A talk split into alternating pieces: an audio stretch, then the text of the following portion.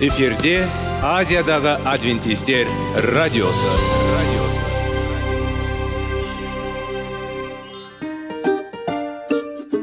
Сәлем достар. Денсаулық өмір бұлағы және біздің бірінші байлығымыз демекші денсаулық сағаты рубрикасына қош келдіңіздер.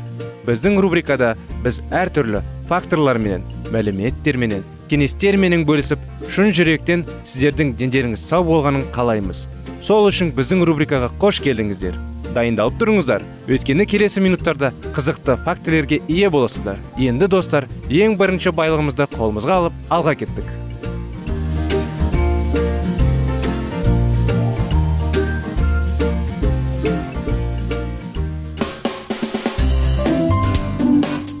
Денсаулық туралы хабар. Денсаулықтың ашылуы.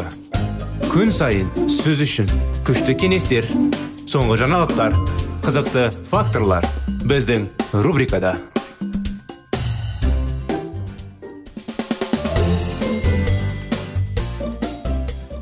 достар құрметті біздің тыңдаушыларымыз сіздермен бірге денсаулық сағат бағдарламасы қытай зерттеулер тақырыбымызбен. Осы тақырыбымызды біз ары қарай жалғастыра кетейік. Қытайдағы тамақтану ерекшеліктері көрсеткіштерде кесте. Қытай билігі бұл ақпаратты стандартты түрде жинайды. Бұл ел бойынша көрсеткіштерді оңай салыстыруға мүмкіндік береді. Қытайда тұтынылатын калориялардың жалпы саны әлде қайта жоғары майлар мен ақауыздардың аз мөлшері жануарлардың тағамдарының үлесі әлде қайда аз. Талшық көп және темір көп. Бұл айрықшылықтар өте маңызды. Тамақтану мен денсаулық арасындағы байланысты зерттеу кезінде ел ішіндегі көрсеткіштердің айырмашылықтарын үйрету қажет. Қытайлық зерттеу барысында көптеген көрсеткіштер бойынша әсіресе аурудың жиілігі бойынша айтарлықтай өзгеріс байқалды. Және клиникалық көрсеткіштер мен тағамға қандай да бір қоректік заттарды қабылдау деңгейі бойынша жеткілікті.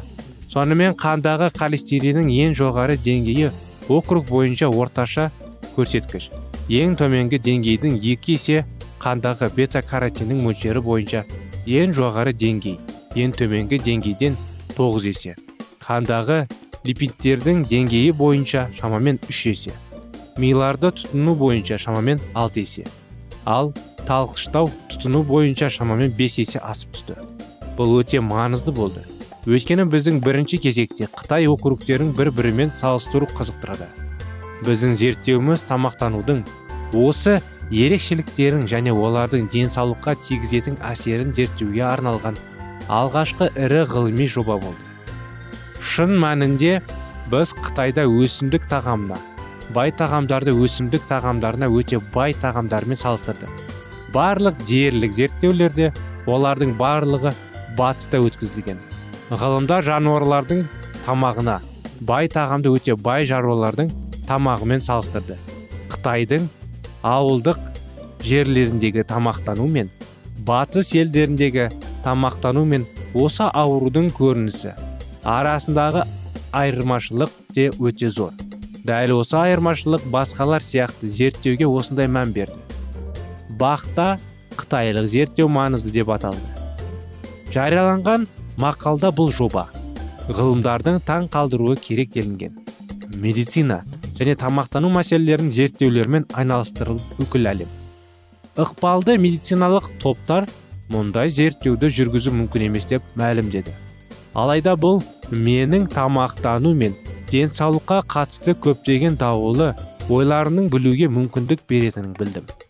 Енді мен сізге осы жобаның нәтижесінде не білгенімізді және 20 жылдан астам зерттеу ойлау және тәжірибе менің тамақтану мен денсаулық арасындағы байланыс туралы ғана емес.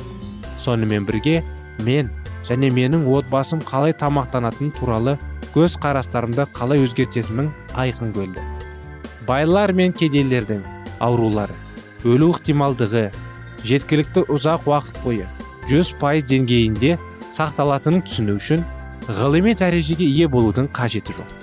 Біз өмірден аулақ бола алмайтын жалғыз нәрсе бұл өлім.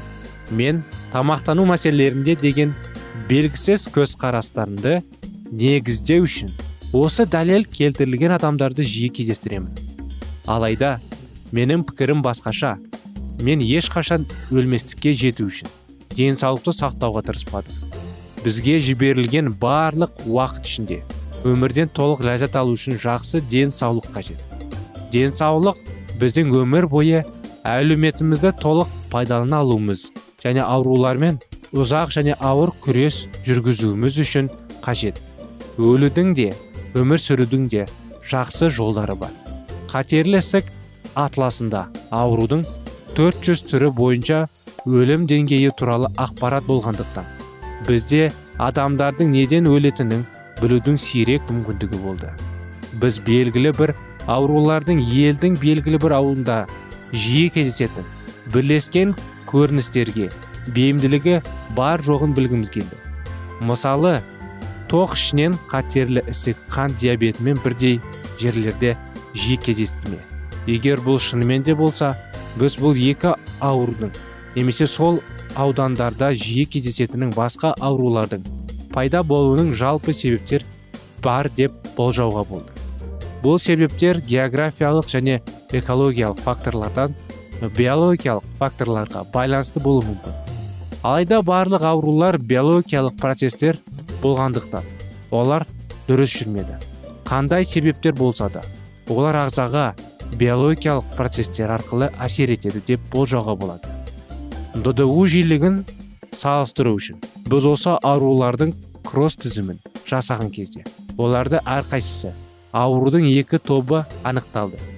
Көбінесе экономикалық дамыған аудандарда. Алтай аурулар және керісінше әдетте кедей ауылшаларлық аудандарында пайда болды. Кестеде көрсетілгендей екі тізімдегі аурулардағы әрқайсысы көбінесе басқа тізімнен емес. Сол тізімдегі басқа аурулар бар жерлерде кездеседі. Мысалы егер қытайдың ауылдық аймақтарының бірінде пневмониямен ауыралардың жоғары билігі байқалса онда сүт безенің қатерлісігі сирек кездеседі. Бірақ көбінесе паразиттік ауру. Батыс елдерінің тұрғындарының көп бөлігі қайтыс болатын ауру жүректің ишемиялық ауру сүт безі қатерлі ісігін сияқты жерлерде жиі кездеседі. Айтпақшы ишемиялық жүрек ауруы дамушы елдерде сирек кездеседі. Бұл ондағы адамдардың жас кезінде өлетіндікпен байланысты емес. Осылайша батысты қарт адамдар ауыратын аурулардың аулақ болады. Бұл салыстырулы жасына қарай сандартылған яғни кейбір жас топтарындағы адамдар арасында жүргізілген. Осындай анықтама құрметті достар. Бүгінгі күнде сіздердің назарларыңызға жалғасы келесі бағдарламамызда жалғасады. Сол уақытқа дейін сау болыңыздар дейміз.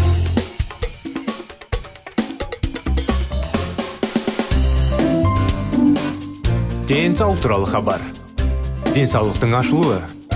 Күн сайын сөз үшін күшті кеңестер соңғы жаңалықтар қызықты факторлар біздің рубрикада.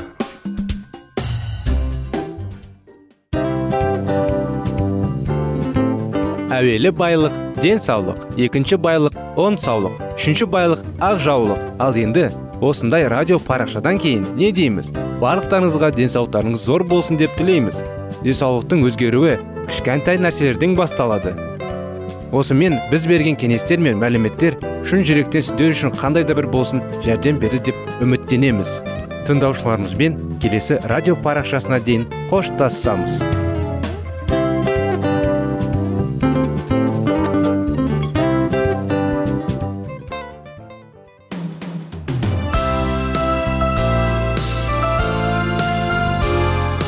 эфирде азиядағы адвентистер радиосы.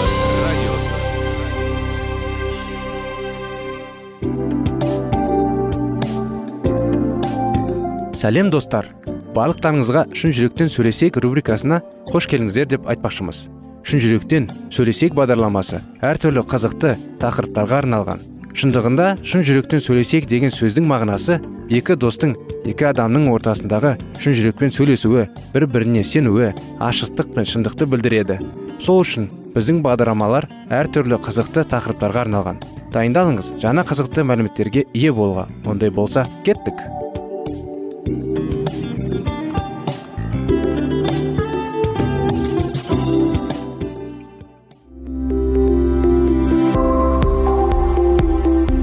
Алтын сөздер. Сырласу қарым қатынас жайлы кеңестер мен қызықты тақырыптар. Шын жүректен сөйлесейік рубрикасында.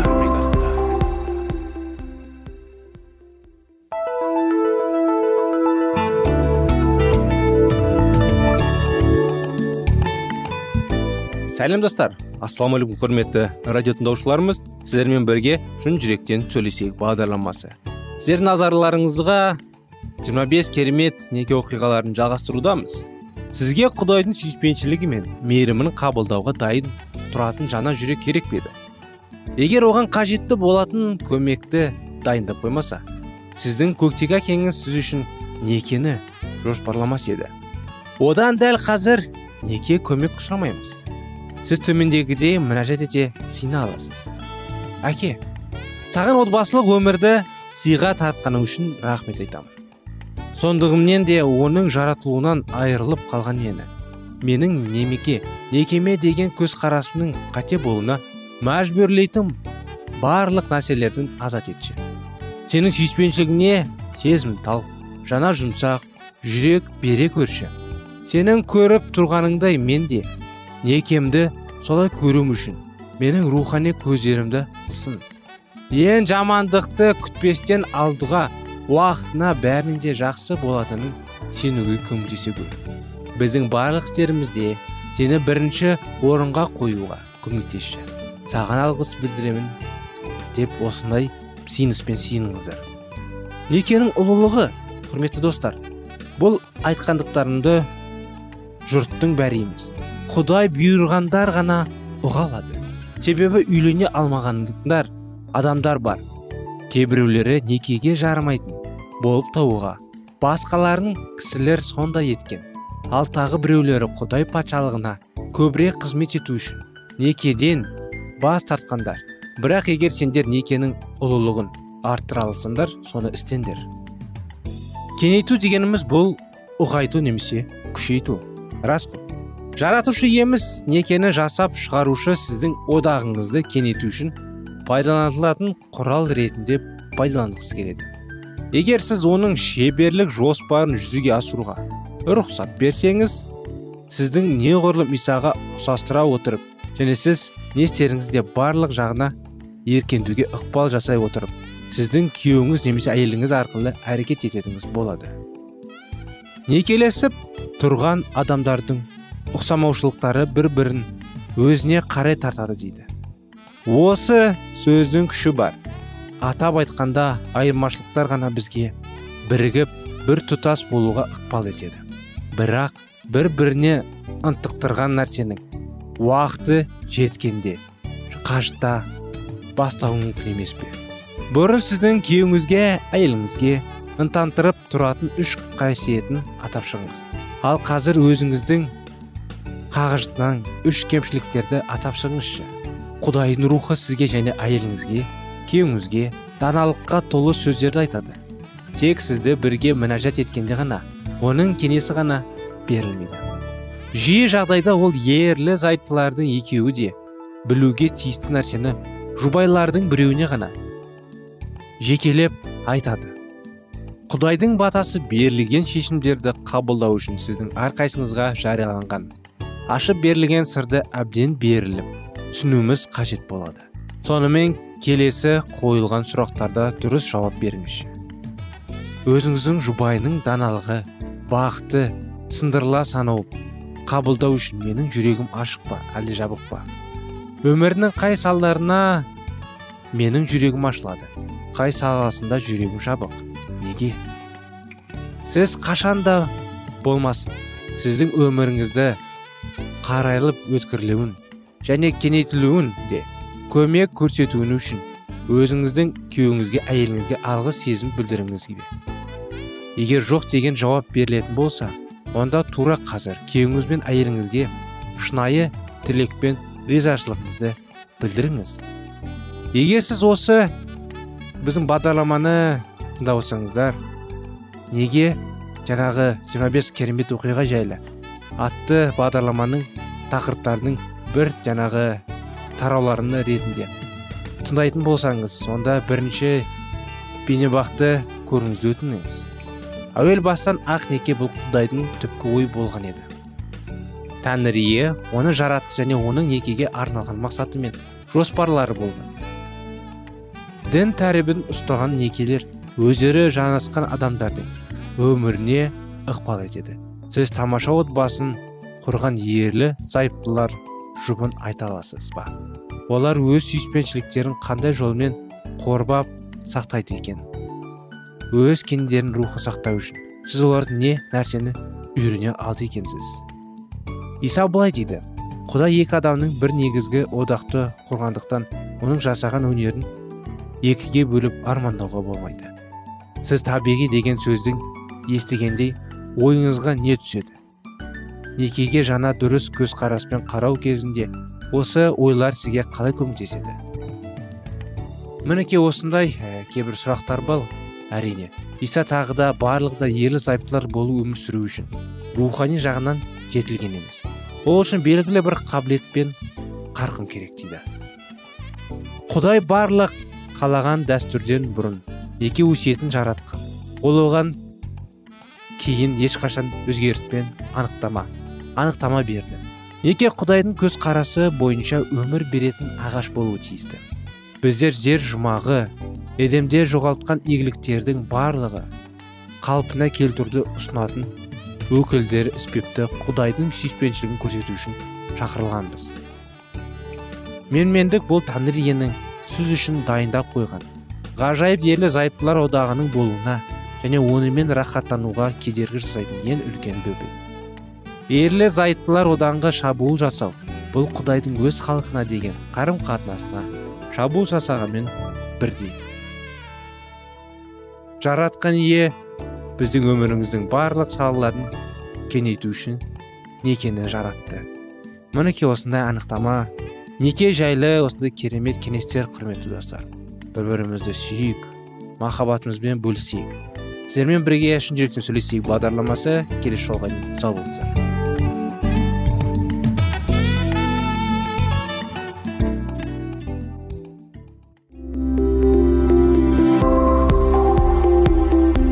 Алтын сөздер.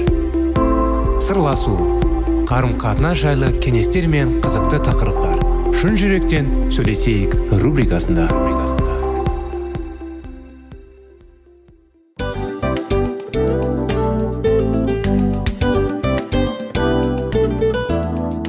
Құрметті достар барлық ең соңғы кеңестер аяқталған соң біздің программамыз соңына келіп қалды. Осы біздің мәліметтер осы рубрикада айтылған әрбір сөздер сіздерге өзінің қандай да бір пайдасын алып келді деп шын жүректен сенеміз. Және бұдан да көптеген рубрикаларымыз бар. Басқа рубрикаларымызда біздің зерттеулерімізде сіздер үшін тағы да қызықты мәліметтер дайын. Біздің шын жүректен сөйлесейік парақшамызда көптеген әдістер ең соңғы кеңестер адамның нравственность жақтан. Моральдық жақтан тазалап байыта тұрған соңғы кеңестердің барлығын жанарады. сондықтан алдыңғы күндерде бізбен бірге болыңыздар. Өйткені барлық қызықтар алдыда. Бізбенен бірге болғандарыңызға үлкен рахмет. Келесі кездескенімізше сау сәлемет болыңыздар.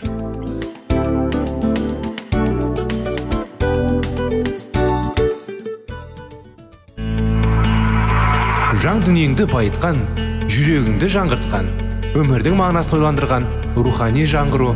Рубрикасы.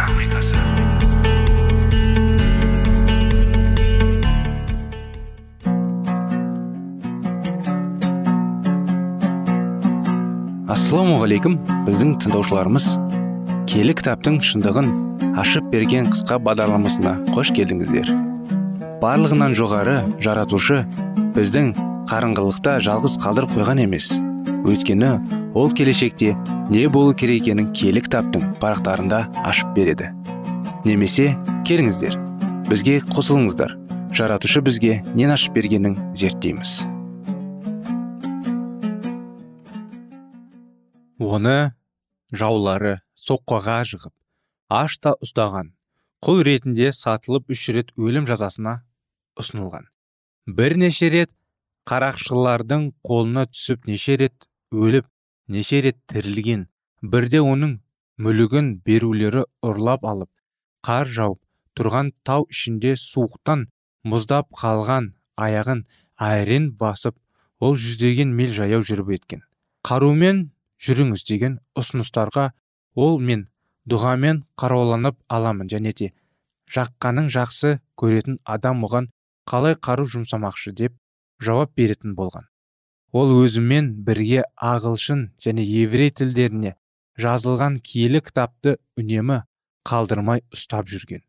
Соңғы саяхатты еске ала отыра ол мен киелі жазбаны қолымды ылғи ашық ұстайтынымда және күшімнің осы кітапта екенін оны қуаты мені қолдайтынын сезінетімін дейді.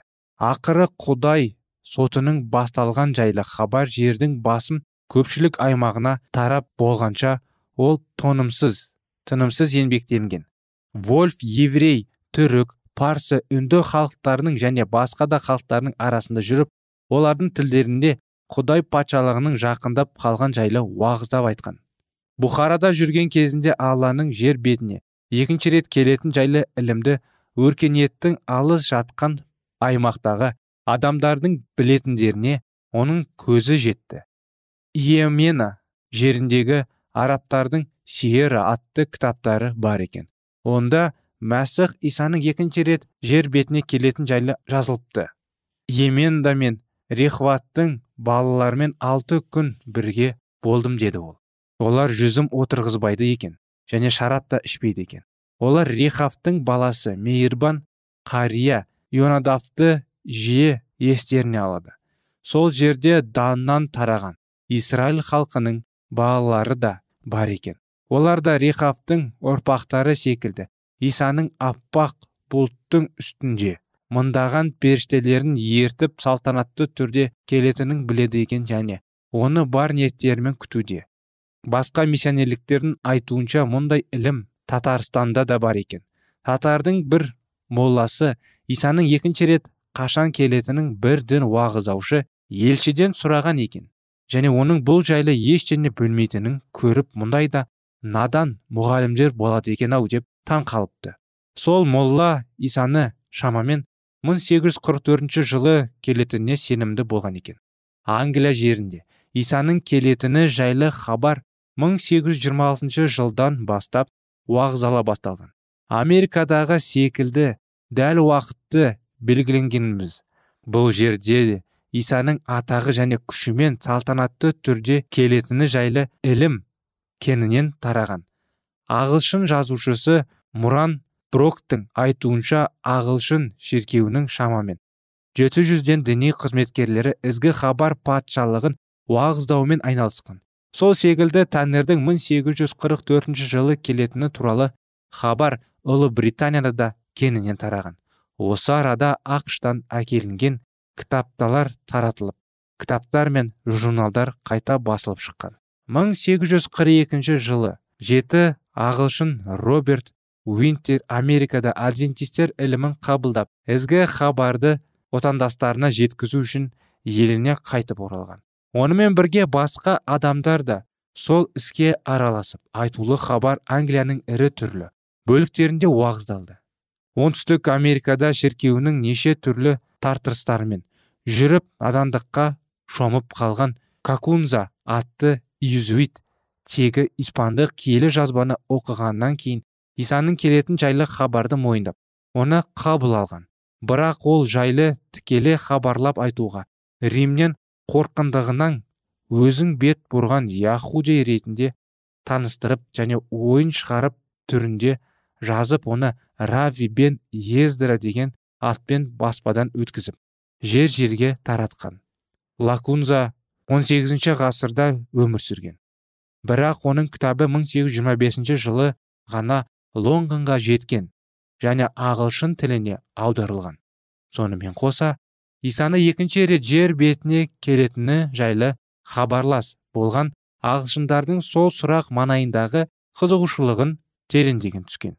Германияға бұл хабарды 18 ғасырдың сыншысы көрнекті дін зерттеуші лютеран шіркеуінің діни қызметкері бенгель таратқан.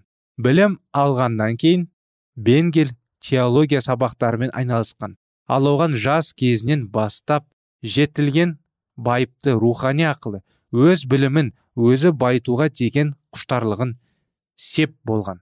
Көптеген басқа да жастар секілді оның рухани өмірінде де күндіктену деген көп болған. Кейіннен сол кездерді еске ала отырып оның жастық шағын ауыр жүкке айналдырып жүгене жебе болып қадалаған күдіктер жайлы ол терең сезіммен айтады. Вюртпенгерес шіркеу соның мүшелігіне енгеннен кейін ол діни бастандыққа қорғауға тұрды. Шіркеудің құқығын қолдай отырып ол сонымен қоса адам өзін арына сәйкес әрекет жасайтынын айтып ешкімді де күштеп шіркеуде ұстауға болмайтынын жайлы ұсыныстар жасады. Британия энциклопедиясынан бангелдің сіңірген еңбектерінің әсері оның отанында осы уақытқа дейін бақылайды. Бірде ол уағыз айтуға дайындалып отырған кезінде аяның 21 тарауын оқып отырып исаның екінші рет жер бетіне келетіні жайлы хабарға көзі түсіп кенеттен не бір жарыққа бөленгендей болды. Пайғамбардың суреттеп берген оқиғаның ұлылығы көп мәнді болғаны соншалықты. Осы мезгілден бастап ол басқа ештеңе жайлы ойлай алмады. Келесі күні осы сурет тағы да оның көз алдында келді. Сол мезгілден бастап ол ашық кітапта берілген аяндарды зерттеуге кірісті. Оның да талдарды есептеп шығаруында миллердің санағымен аз ғана айырмашылықтар болды. Бенгелдің еңбектері барлық масқішілер елдеріне кеңінен тарады. Оның аяндарға қатысты көзқарасы вюртенберг жерінде және германияның да кейбір бөліктеріне қабылданды. Ол өлгеннен кейін де бұл хабар тараулы тоқтаққан жоқ. Қозғалыс ұлғая түсіп масықтың екінші рет жер бетіне келетінін жайлы хабарды германия және басқа да мемлекеттер естіді.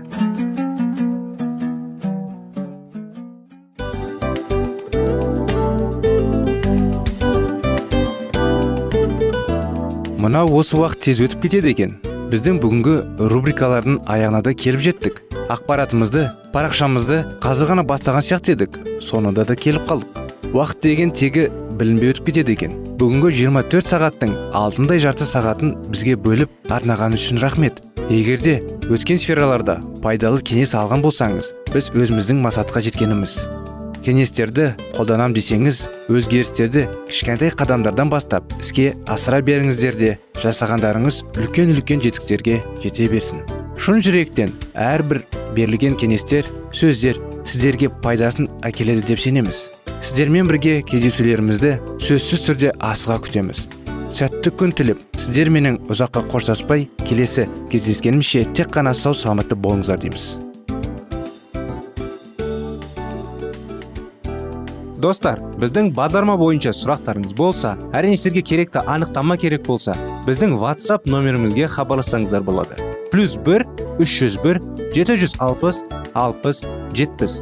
Иә достар сіздер қателеспедіңіздер бұл біздің номерлерге ұқсас болмаса да бұл whatsapp номер арнайы. Хабарласыңыздар сұрақтарыңызды қойып тұрыңыздар. Анықтаманы алып тұрыңыздар. Плюс бір үш жүз бір жеті жүз алпыс алпыс жетпіс whatsapp номері